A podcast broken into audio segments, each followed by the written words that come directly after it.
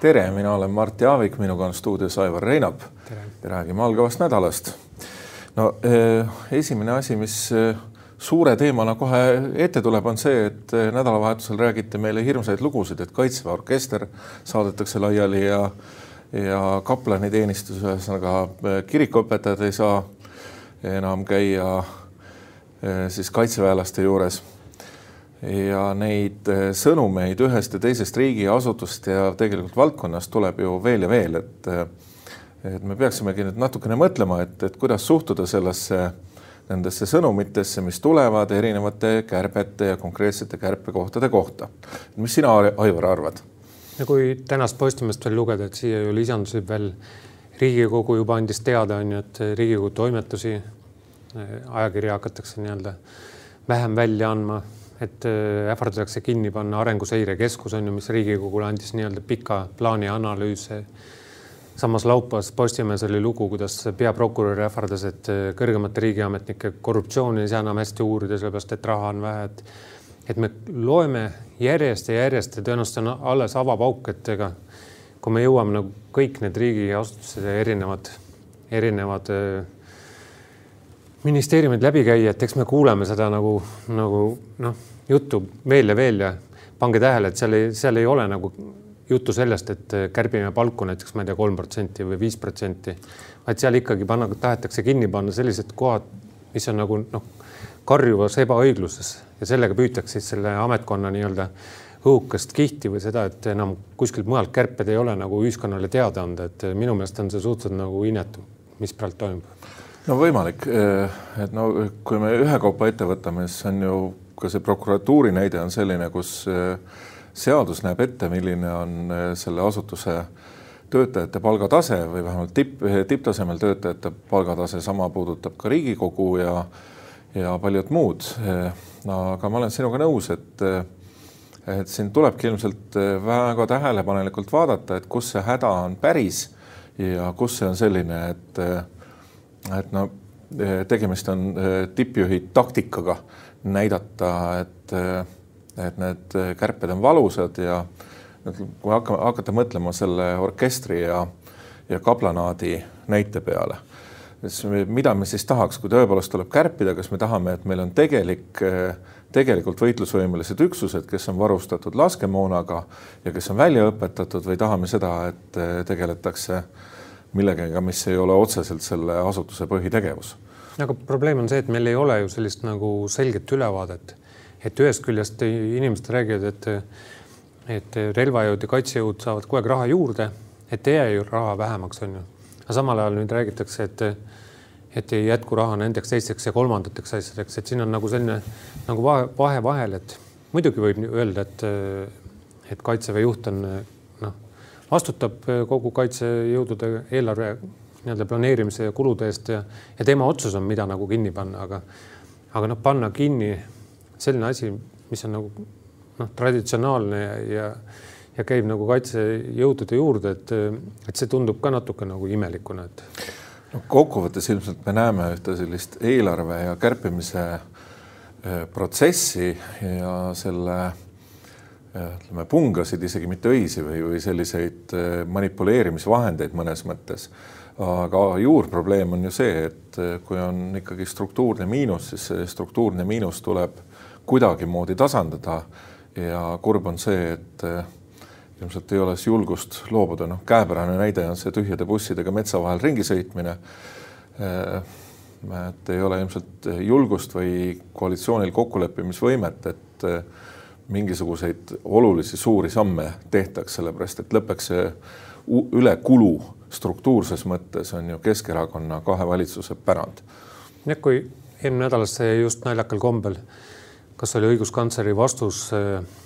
Aivar Sõerdile on ju, kes siis tõstatas küsimuse, et riigieelarve on Riigikogu jaoks täiesti nagu arusaamatu ja mõistetamatu, et seal kuluridade tagant ei saa aru, et mille peale täpselt kulutatakse, kuidas, et et noh see praegune vaidlus on ka ju sellel tasemel, et me ei tea, me ei tea, on ju, kas need ongi õiged kulukärped või mitte, on ju, kas riik on mõnes kohas paks ja mõnes kohas õhuke, et et kui me neid nüüd kriitikaid näeme nende viimaste näidete juures on ju, et siis seal jääb mulje, et kõik on juba ära kärbitud, et nüüd võtame viimasena veel noh, selle orkestriga maha, et aga tegelikult ei ole ju niimoodi, et, et tegelikult on ju, on ju palgad tõusnud nendes ametites on ju töökohtade arv on suurenenud et.... mida need palgad siis peaksid tegema, et lõpuks sa ju soovid, et kaitsevägi toimiks või, parimal võimalikul tasemel selleks, et Eesti oleks, Eesti heidutus oleks paigas vastase suhtes, et tal ei tuleks pähe meid rünnata. ja seal peavad olema inimesed, kes on professionaalid ja kes teevad head tööd, et ma mäletan hästi kasvõi oma tutvusringkonnast mitmeid ohvitsere, kes eh, siin eelmiste kärbete ajal kui palgad, palgatasemed olid nii, nagu nad olid, siis läksid eh, näiteks laevakaitsemeeskondadesse tööle ja nii edasi. lõpuks me oleme ju Eesti riigina panustanud meeletult sellesse, et keegi jõuaks näiteks majori või koloneli aukraadini välja ja õpetanud ja harjut-, lasknud tal harjutada siin ja seal selleks, et ta saaks selle eh, organisatsiooni juhtimisega hakkama nii rahuajal kui ka konflikti ajal. No selle palgateema tõstsid ju sina üles, mina ütlen, et, et me peame hakkama nüüd kogu sõjaväe, sõjaväel palku alandama, et see küsimus ongi see, et, et me ei tea ju, me ei tea, on ju, kuskohast on nii-öelda nagu see, see kulude kasv on tulnud, on ju, ja, ja kas on võimalik kuidagi teistmoodi kärpida, et et antud juhul ju me, me peame arutlema selle üle, et kas orkester on tõesti sõjapidamiseks vajalik või, või mitte, on ju, et või kas riik funktsioneerib, on ju, või peame hakkama teatud kohti nagu kärpima, et ma ei imestaks, kui nüüd ühel hetkel noh, miks ei võiks keegi öelda, et okei okay,, et võtame siis presidendi välisvisiidid ka maha ja las ta siis olla nagu siseriigis on ju, et, et meil kuskilt mujalt võtta ei ole, et nii me võimegi jääda vaidlema mingi pisiasjade üle, ilma et nagu suurt pilti ei näeks. no sellest me alustasime, et tegemist on ilmselt sellise sügisel tuleva riigieelarve protsessi sissejuhatava osaga, kus siis asutused kombivad oma piire ja seda, mis, mis neil õnnestub välja kaubelda ja mida mitte. ja ilmselt on noh, me näeme ka seda, et, et selline üleüldine lõikamine ei ole maailma parim variant, et eh, poliitikutel peaks olema ikkagi loo julgus loobuda mõningatest programmidest, mis on olemuselt rumalad või mis ei täida oma funktsioone nii, nagu nad peaksid täitma. mis on rumal ja mis ei täida? Et no mõttes... ma räägingi, noh jälle tüütuseni korratud, eks ole, aga see tühjade bussidega metsa vahel ringi sõitmine on selline näide ja täiesti selgelt on meil ka ülepaisutatud riigiasutusi. millised riigiasutused on ülepaisutatud? no millest on räägitud räägitud on siin näiteks Haridus- ja Noorsooametist, eks ole, kus on tuhatkond töötajat, võib-olla isegi natukene rohkem, et kas seda bürokraatiat peab ikkagi nii palju olema ja, ja lõppeks päris kärpimine, päris sisuline kärpimine tuleb ju sealt, kus, kus Riigikogu võtab julguse kokku ja ühes või teises valdkonnas asub kodifitseerima või norme, normide hulka vähendama ja mõtleb läbi, et kas seda, teist või kolmandat tegevust üldse on tarvis. Nüüd jõuame tegelikult selleni, et, et on läbi aastate kõik viimased koalitsioonid on ju lubanud, et võtavad selle riigieelarve revisjoni ette ja lõpuks vaatad üle, et kas meil on vaja neid kulusid teha, mis on sinna planeeritud ja mis, mis aastast aastasse tulevad edasi ja edasi ja, nõuavad üha suuremaid kulusid, et, et vaadata uuesti nagu riik üle, et kas me suudame seda riiki nagu noh, ülal pidada, aga, aga kui me nüüd neid viimaste päevade meediakajastusi ka loeme, siis saame aru, et et see on tegelikult ju suhteliselt võimatu töö, et, et kes see poliitikutest julgeks sellist jama nagu kaua teha, et, et kõik,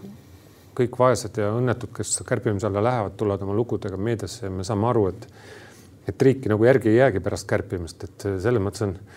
on ülikeeruline situatsioon, et ma ei tea, kas tellida väljast siis sisse keegi keegi, kes ei ole poliitiliselt mõjutatav või kuidas seda teha valitsema, et, et see kindlasti ei ole mingisugune mõistlik variant, et Eesti riiki valitsevad ikkagi Eesti inimesed. ja e, poliitikud peavad oma tööga hakkama saama niimoodi, et e, prioriteedid on seatud ja ei saa olla nii, et, et ühele asutusele öeldakse, et sinu prioriteedid on seal, aga vahendid, mis me sulle anname, ei vasta sellele, et, et need tuleb kokku jooksutada aga ma mõtlen, et üldkokkuvõttes, kui sa vaatasid ka seda RES-i, mis oli vist kakssada lehekülge, no vahet pole, mitu lehekülge, aga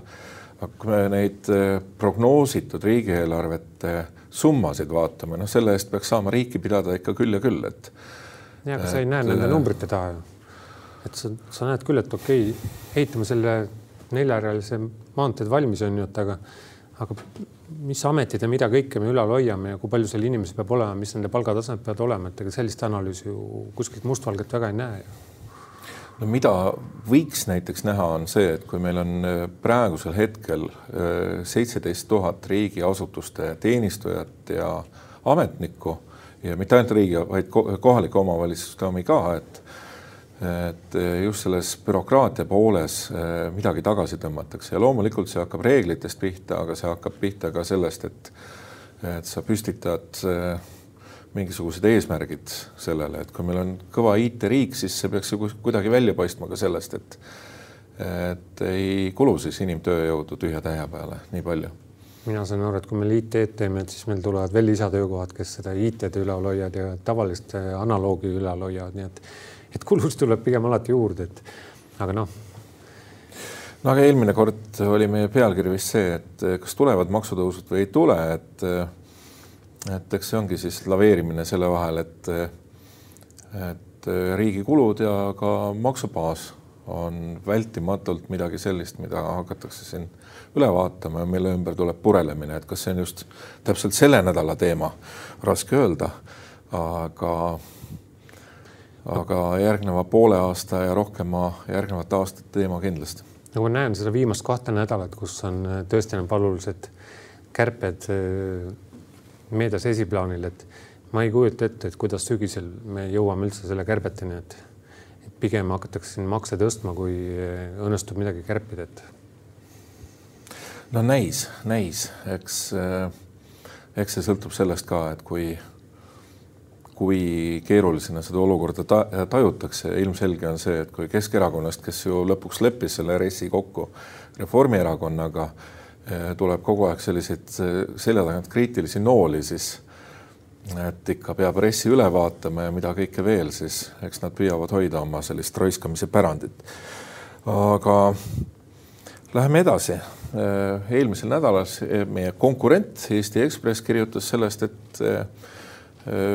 kus Jüri Ratas oli käinud ja mida ostnud ja Saaremaa kahepäevane visiit läks maksma vist kaksteist tuhat eurot, tõsi küll seda koos erisoodustusmaksudega, aga ikkagi, kui sinna üksikutesse kuludesse sisse vaadata, siis need nüüd maailma kõige mõistlikumad ei tundu. jah, kui, kui võtta niimoodi üks hetk mõne asutuse või kuskilt välja, kus tõesti paistab selline ülekulutamine, et siis võib muidugi teha väga suuri nagu üldistusi, et, et minu jaoks on nagu noh, pigem küsimus, et, et tahaks näha nagu suurt pilti, et et kas siis Jüri Ratas äh, kulutas või raiskas või elas nagu laiema joonega kui tema eelkäijad, et, et peaministrid on meil ju palju olnud, et, et noh, kui ma selle Ekspressi lugesin, et see jäi mulje nagu, et, et tema oleks see eri, eriti laia joonega on ju, et kellel tehti ka spetsiaalsed eelarveread, et, teda natuke talitseda, et aga kuna ei ole infot, siis mul on raske nagu hinnata, et, et võib-olla näiteks mõni eelnev peaminister käis välisvisiitil ja priiskas seal rahaga, et, et kuni see pole avalikuks tehtud, on raske, raske öelda, et. no see on selline whataboutism, et aga mida teised tegid, et siin peaks olema mingisugune moraalne seisukoht.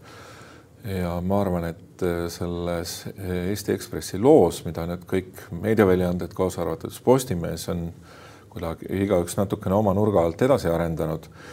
oli ikkagi see Saaremaa visiit, mille üks osa oli see, kus äh, peaminister ööbis ja õhtustas kallis äh, hotellis äh, koos oma kõige lähemate nõunikega, et seal ei olnud tegemist mingisuguse välisvisiidi võõrustamisega või ka maakonnavisiidi võõrustamisega, kus oleks peaminister kellelegi midagi teisele pakkunud, vaid tegemist oli sellise selle pildi järgi, mis joonistub ikkagi nagu sisemise motivatsiooniüritusega, mis ta oli korraldanud. Ja selle kulud olid märkimisväärsed. Ja küsimus ongi, et eh, kui meil on olnud üldiselt Eesti riigis selline joon või vähemalt avalik suhtumine, et eh, priiskamine ja laristamine ei ole sobilik. meenutan, et praegune president Kersti Kaljulaid isegi tõmbas kriipsu peale minu meelest väga õigele projektile ehk siis presidendi residentsi rajamisele Rocca al Maresse selleks, et näidata, et, et meil ei raisata ja meil ei ole seda teist ja kolmandat ja nüüd selgub, et, et kuskil teises riigiasutuses, siis peaministri büroos käib selline pidu ja pillerkaar, et see ei ole nagu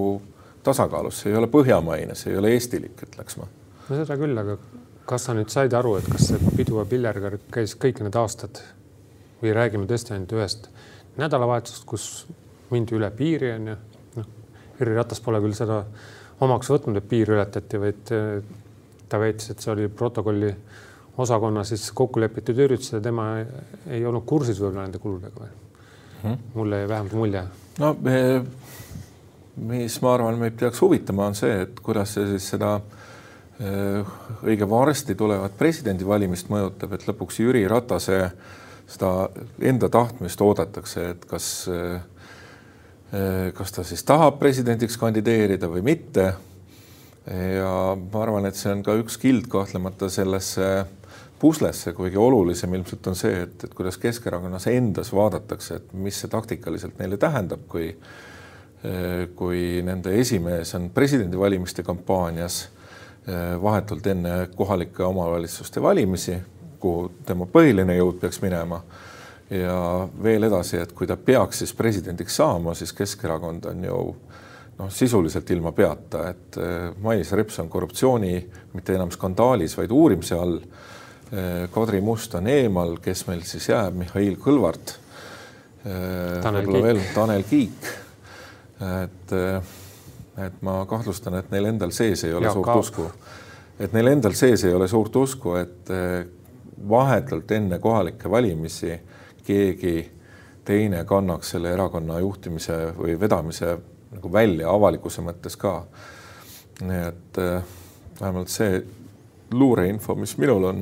mitmelt poolt, ütleb seda, et ega need keskerakondlased ise väga ei taha, et Ratas sinna presidendirallisse läheks kas sa nüüd tahad väita, et äh, Keskerakond ise sokutas Ekspressile siis äh, sellise ämbri ette, et? no seda ma ei tahtnud väita, aga see on nii huvitav mõte, et, et arenda seda edasi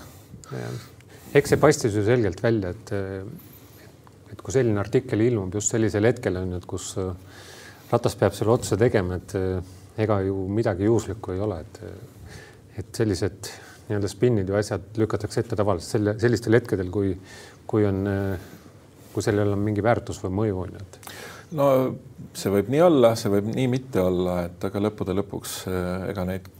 kulutusi ja äh, ja tegusid ei ole ju teinud ajakirjanikud, eks, et ajakirjanikud kirjeldavad hästi või halvasti, täpsemalt või ebatäpsemalt, aga teod on teinud ju inimesed ise. okei okay,, nii et sa, sa usud, et, et Jüri Ratas on siis nii-öelda ei oska raha lugeda, käitub priiskavalt, on riigijuhina ebausaldusväärne, ei sobi presidendiks või? mina teda ei valiks jah. et äh, mina ei pea õigeks, et äh, maksumaksja raha eest selliseid äh, ülemääraseid kulutusi tehakse ja ja ma veel kord rõhutan, et, et see ei ole eestilik, see ei ole põhjamaine, see ei ole meie üldisele mentaliteedile omane, võimalik, et see on Keskerakonna mentaliteedile omane, aga aga suurem jagu Eesti rahvast ma ei usu, et, et niisugust käitumist heaks kiidaks. minu jaoks on suurim probleem, et Jüri Ratas ei ole nagu omaks võtnud midagi, et et kui ta nagu annaks märku oma väärtushinnangutest, et, et kas siis läks üle piiri, ta on ütelnud küll, et tema, tema neid joogid autosse ei kirjutanud sinna juurde või et tema neid kringleid ei tellinud või asju, et, et noh. See on ikkagi selline jutt, juriidiliselt on kõik korrektne, kõik on kuskil piirides. aga moraalselt ei ole kõik korrektne, nii et eh, tegelikult see moraalne hinnang ongi see, mida ootaks, aga seda ei ole tulnud, seda ei ole tulnud õigel ajal ja lõpuks, kui seda eh, viimaks välja pressitakse, siis, siis selle väärtus on, ei ole enam see. minu jaoks on lihtsalt märk, märgiline see, et, et me ju saate esimene pool rääkisime, et kuidas siin eh, kärpida erinevates kohtades neid, neid eh, eurosid, kümneid tuhandeid eurosid või miljoneid on ju, et ja samal ajal siis, samal ajal on täpselt meedias siis lood sellest, kuidas kuskil on nagu raha üle, on ju, et et kus võib nii-öelda laia joonega võtta, et, et see on äh, võib-olla selline, mis kriibib silma ja muudab selle nii-öelda ausa valitsuse valitsemise nagu keerulisemaks, et, et kui ühed näitavad e-, ees, et raha on küll ja teised siis kõrval püüavad väita, et ei, et, et tuleb iga hinna eest need kärped leida, et, et siis tekib muidugi protest ja ebaõigluse tunne ja sellise, sellisel juhul on, on väga raske riiki juhtida mm. -hmm aga räägime viimaseks teemaks ka põgusalt koroona olukorrast, et eh, nüüd on läinud siis lahti või noh, läinud lahti on võib-olla palju öelda, aga, aga välja kuulutatud massvaktsineerimine ja tõmmatud see vanusepiir sellel nädalal kuhu kohta? vist oli kuusteist juba tohoh. Et ikka piir kadus nagu ära, nagu ma aru sain. piir on ära kadunud. Ja, ja aga vaktsineerida ikka rohkem ei saa, kui siis neid vaktsiinidoose on Eestisse tulnud tootjatelt ja e, sellega on nii ja naa, et, et ega esimese hooga nagu sadu tuhandeid ühe nädala jooksul neid kindlasti ei ole. Et praegusel hetkel on siis üle neljasaja tuhande inimese saanud esimese doosi ja, või tähendab vähemalt esimese doosi ja sada kaheksakümmend tuhat inimest on vaktsineeritu, vaktsineerimiskuuri lõpetanud. ja lisame sinna juurde need, kes on selle haiguse läbi põdenud. ja saame ikkagi tulemuseks selli, sellise, et noh, pool maad, pool võistlusdistantsi või rohkem on veel minna. minu jaoks pigem on selline ärevust tekitav signaal, et, et nüüd anti kõik vabaks et see on ju selge märguanne, et, et vanemad vanusegruppi ikkagi ei õnnestu. noh, nii, nii palju kui vaja vaktsineerima meelitada, et siis püütakse nii-öelda see, see vastuseis vaktsineerimisele ära katta sellega, et anname kõik vabaks ja küll need noored nagu peale tulevad, et tahaksid minna reisima ja, ja, ja et piirid vabad, vabad oleks, et et seetõttu siis juba, juba ka täitsa noored saab minna vaktsineerima. Vanem, vanem, vanemate vanusegruppide hõlmatus ei ole ju ka väga halb, aga ta ei ole veel sellel arvutuslikul korjeimmuunsuse tasemel. et ikkagi, kui sa vaatad neid tabeleid, siis seal on üle kuuekümne protsendi eh, nii üle kaheksakümnestest, üle seitsmekümnestest kui üle kuuekümnestest vaktsineeritud juba. ja mõnes mõttes on see nagu ootuspärane, vähemalt minu jaoks olnud kogu aeg, et et ka gripi vaktsineerimisega, kus äh, vanematele inimestele on see olnud tasuta, ei ole inimesed sellistes hulkades vaktsineerima tulnud. ehk siis äh, meie vanematel inimestel erinevalt võib-olla Lääne-Euroopa riikidest ei ole seda vabatahtliku vaktsineerimise harjumust. aga signaalid tulid juba eelmine nädal, kus äh, tulid uudised, et kuigi, kuigi neid vanusepiire lasti alla, et vabasi vaktsineerimise aegu oli ikkagi üle, nii et eh, noh, see mingi märk on, et, et, et ühel hetkel võime olla tõesti vastu seina, et kus tuleb hakata erinevate meelitustega siis inimesi vaktsineerima kutsuma, et nii nagu Ameerika Ühendriikides ju osad, osariigid ju teevad selgeid kingitusi, et, et inimesed vaktsineerima tuleksid, nii et ma, ma imestaks, kui me ühel hetkel samasse kohta jõuame. jah, see on ka omamoodi kahe teraga mõõk, et kes on väga sellised kahtlustavad, et nende vaktsiinide suhtes äh, olen juba kuulnud, et inimeste jutte, et äh, ai-ai-ai, midagi antakse kingitusi, midagi makstakse peale kusagil, et see asi on kahtlane. no tegelikult muidugi ei ole, et vaktsineerima tuleks minna ja need vaktsiinid ära teha ja selle kasu on, kasu saame me kätte siis, kui on piisav hulk inimesi vaktsineeritud ehk vähemalt üle seitsmekümne protsendi ja sinnapoole tulekski liikuda. aga hetkeolukord on see, et äh, kõige Äh, tõsisem olukord on äh, ikkagi endiselt Ida-Virumaal ja Harjumaal. Äh, Ida-Virumaa ja Harjumaa nendest juhtumitest kokku annavad üle kuuekümne protsendi. ja samas need maakonnad on ka, kus see vaktsineerimise tase on kõige madalam, nii et, et me ei ole sellest probleemidest sugugi veel üle. aga lõpetame siis saate ära kõike head teile, vaadake meid järgmine nädal jälle ja lugege Postimeest. nägemist.